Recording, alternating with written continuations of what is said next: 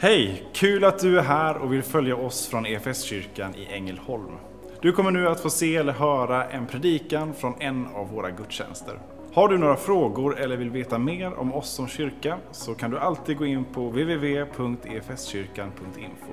Vill du ha tillgång till mer undervisning eller ta del av våra inspelade konferenser eller gudstjänster gå gärna in på vår Play-kanal, efskyrkan.tv. Nu ska vi lyssna på denna veckas predikan. Bered en väg för Herran har vi sjungit nu i två omgångar. Hur många här har tänkt att det vi sjunger var ju felstavat här nu? Bered en väg, de har glömt ett mellanslag. Men det är ju alltså det här ålderdomliga imperativet. Bereden, alltså bered väg för Herren. Uppmaningen, gör väg för Herren. Så trots det här ålderdomliga språket så är det ju, liksom, det är ju så det ska vara. Mycket annat vill vi ha nytt ju, eller hur? Och det är härligt med nyskrivna lovsånger som, eh, som blir liksom, ja men kanske lättare ibland att känna att ja, men det här är ju min sång, mina ord, därför att det är ett språk jag förstår. Och samtidigt så är det inga röster som höjs för att vi ska modernisera våra adventssalmer. De ska ju vara på det sättet. Allra mest skulle jag säga att det är, i alla fall hemma i vår familj, de yngsta som är mest noga med att det ska vara som det alltid har varit kring advent och jul.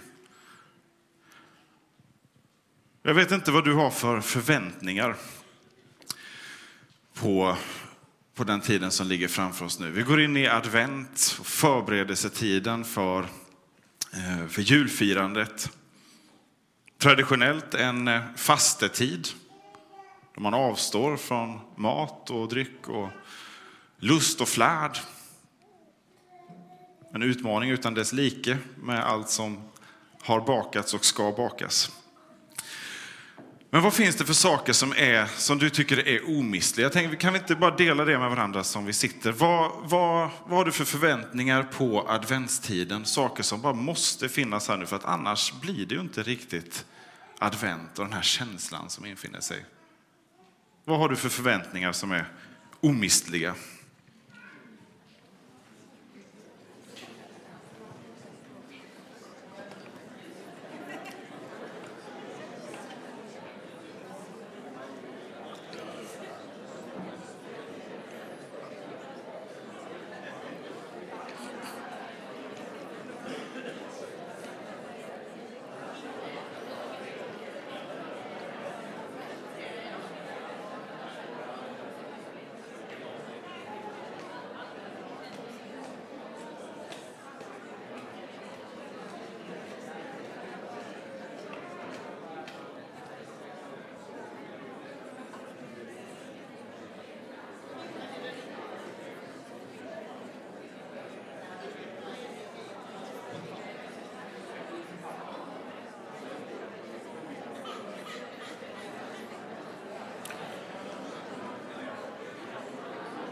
Och när vi har förväntningar, nu har det bubblat här. Det har säkert varit högt och lågt, både glögg och pepparkakor och barndomsminnen och annat.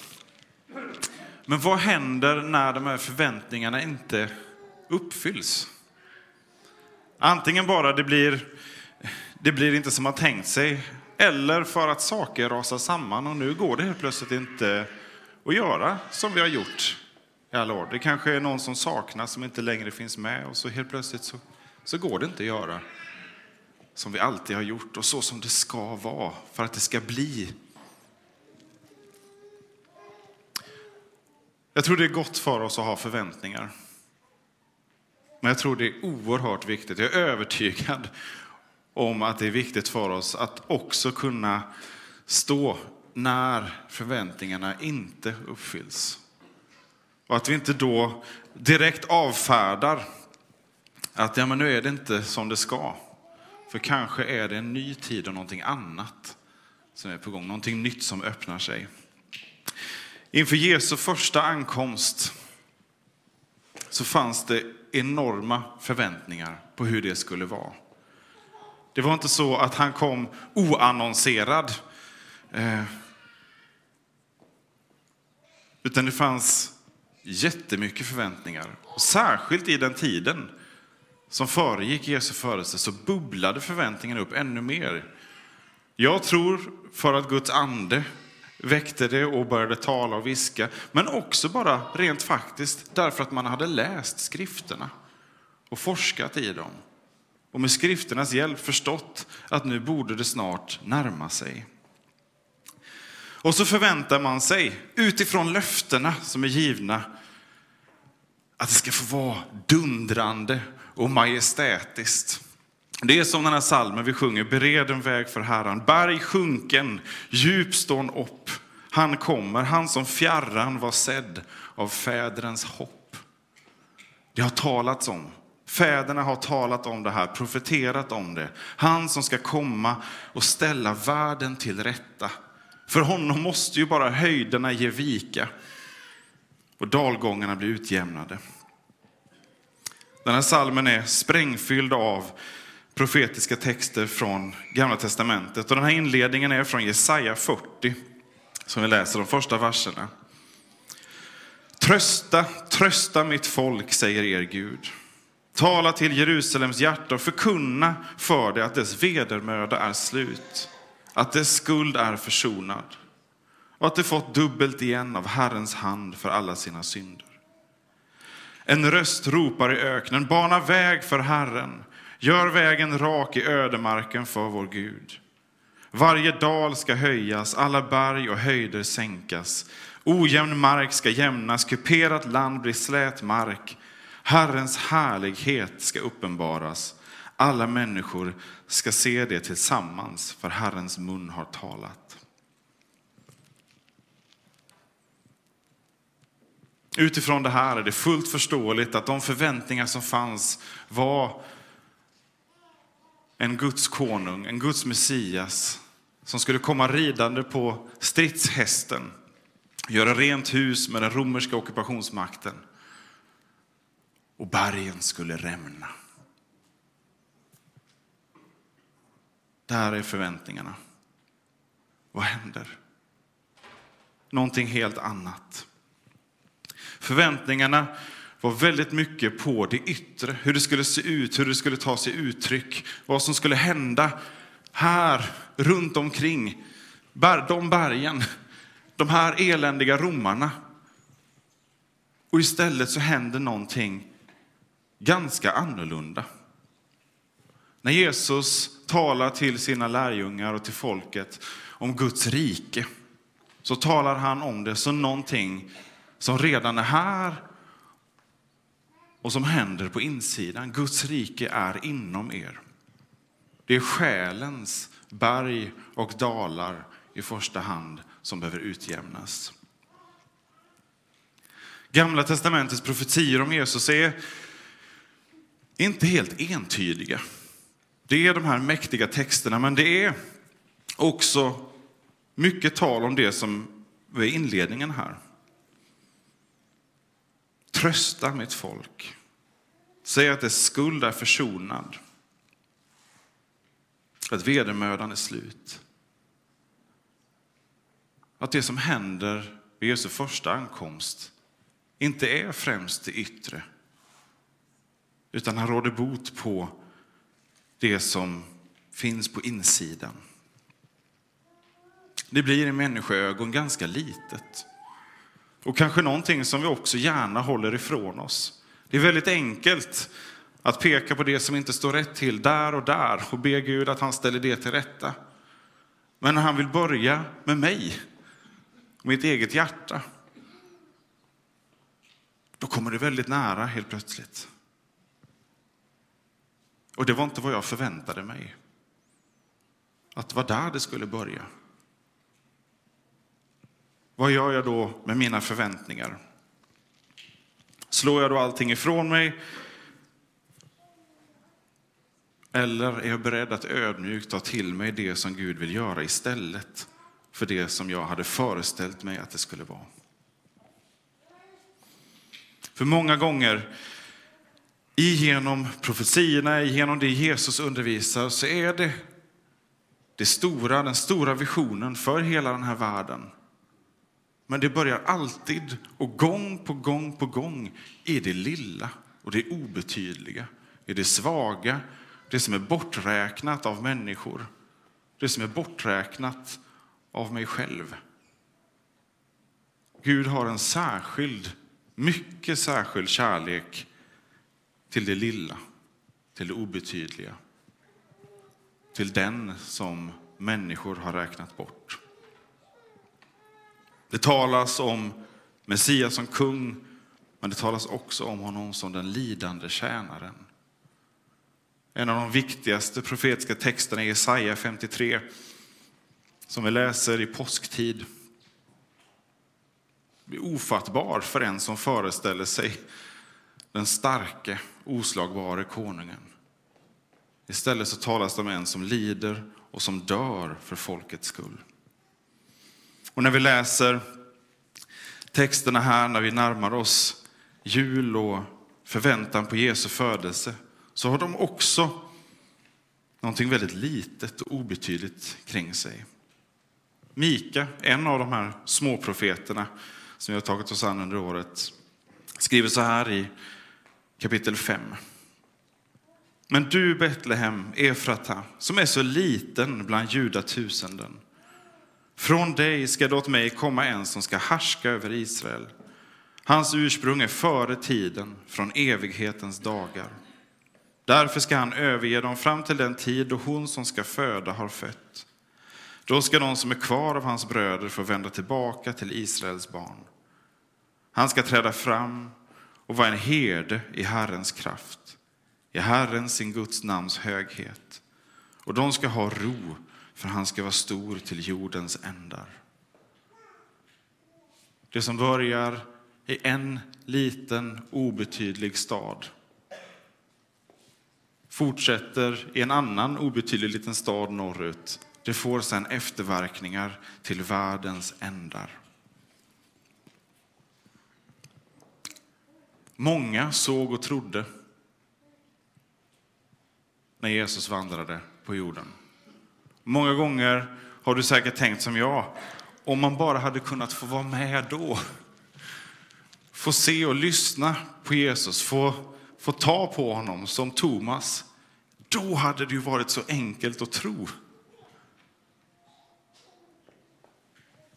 Men vittnesbörden är entydiga. Mängder med människor hade också svårt att tro fast att de hade Guds son framför ögonen. De höll fast vid de förväntningar som de hade. När Gud gjorde någonting annat ville de inte släppa det här och underkände Guds handlande. Och vi sjöng, ej kommer han med härar och ej med ståt och prakt Dock ondskan han förfärar i all dess stolta makt. Med andens svärd han strider och segrar när han lider. Guds väg är en annan väg än människors väg. När Gamla testamentets profeter ropar ut att han kommer för att ge frihet åt de fångna så är det ondskans yttersta fäste som det handlar om i första hand. Det som är det allra innersta. Synden inom oss. Och det besegras inte med våld, det besegras inte med kraftansträngningar. Det besegras inte med den ena metoden efter den andra för att få ordning på våra liv.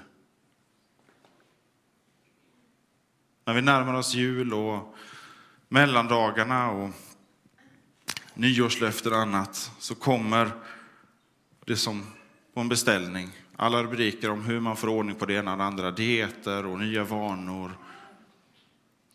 Och vi vet allihopa att det är ganska tomma löften. Då gäller det ändå bara ganska avgränsade områden i våra liv. Vi kommer inte åt grundproblemet. Det är en kamp som inte vinns med våld eller med viljestyrka. utan med gudomligt ingripande. Och inte ens då med makt och styrka, utan genom att Gud själv låter sig offras. Guds sons egen självuppoffring är det som öppnar vägen. Också det fantastiskt förevisat genom Abraham och hans, sons Isak, hans son Isak. Och Gud som förser med ett offerlamm. Med mänskliga eller världsliga föreställningar om hur Gud ska vara eller hur livet ska te sig så är det fara att vi missar Gud när han är i färdig. Vi behöver lyssna väldigt ödmjukt och stilla oss, stilla våra hjärtan så att vi hör hans viskningar, för det är ofta viskningar. Och kan vi lyssna väldigt ödmjukt till det som, som är skrivet här, alla löftena, fäderens hopp, de som fjärran har skådat honom. Vet ni hur många profetior det finns? Jag har inte läst alla profetior idag. Lågt räknat 300 stycken i Gamla Testamentet som uppfylls av Jesus. Därtill finns det profetior som fortfarande väntar på sin uppfyllelse. Också den bokstavliga uppfyllelsen av berg och dalar som sjunker och höjs upp. Någon matematiker har räknat på sannolikheten att bara åtta stycken av de här profetiorna skulle uppfyllas. Några av de här profetiorna är ju ganska enkla. Den vi hörde eh, här i början av gudstjänsten. Den såg Jesus till att lösa själv. Komma inridande på åsnan. Det räknas inte. Det är klart att det kan man ju ordna. Men allt det här med var man föds, var man växer upp, när det sker. Sådana profetior som inte går, varken själv eller med familjens hjälp, att uppfylla. Bara åtta av dem. Sannolikheten att en människa lyckas uppfylla åtta av de här hundratals profetiorna ska då vara ett på tio upphöjt till sjutton. Hänger ni med där? Alltså 10 med 17 eh, nollor efter. En på, ja vad blir det? En miljard miljarder. Och det är bara åtta stycken profetior tillsammans.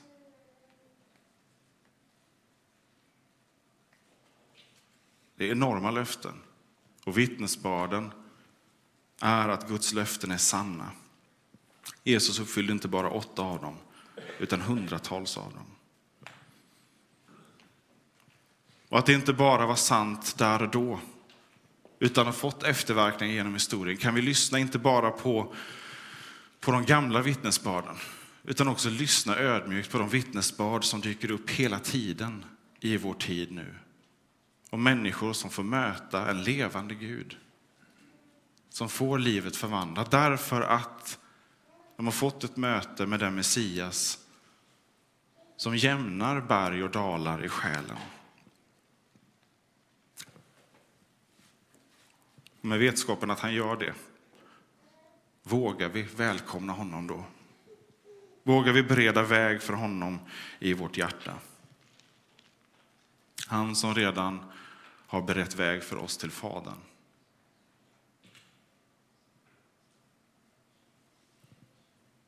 Låt oss bjuda in Jesus för första gången eller på nytt det här nya kyrkåret och säga välsignade han som kommer i Herrens namn.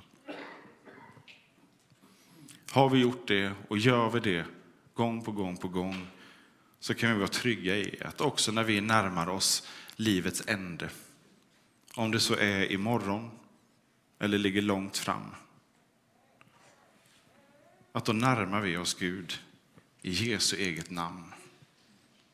Och närmar vi oss Gud i Jesu namn, inte på våra egna meriter eller vårt eget släktnamn, utan för vad han har gjort för oss, då kan vi också lita på att han välkomnar oss med samma hälsning. Välsignade den som nu kommer i Herrens namn.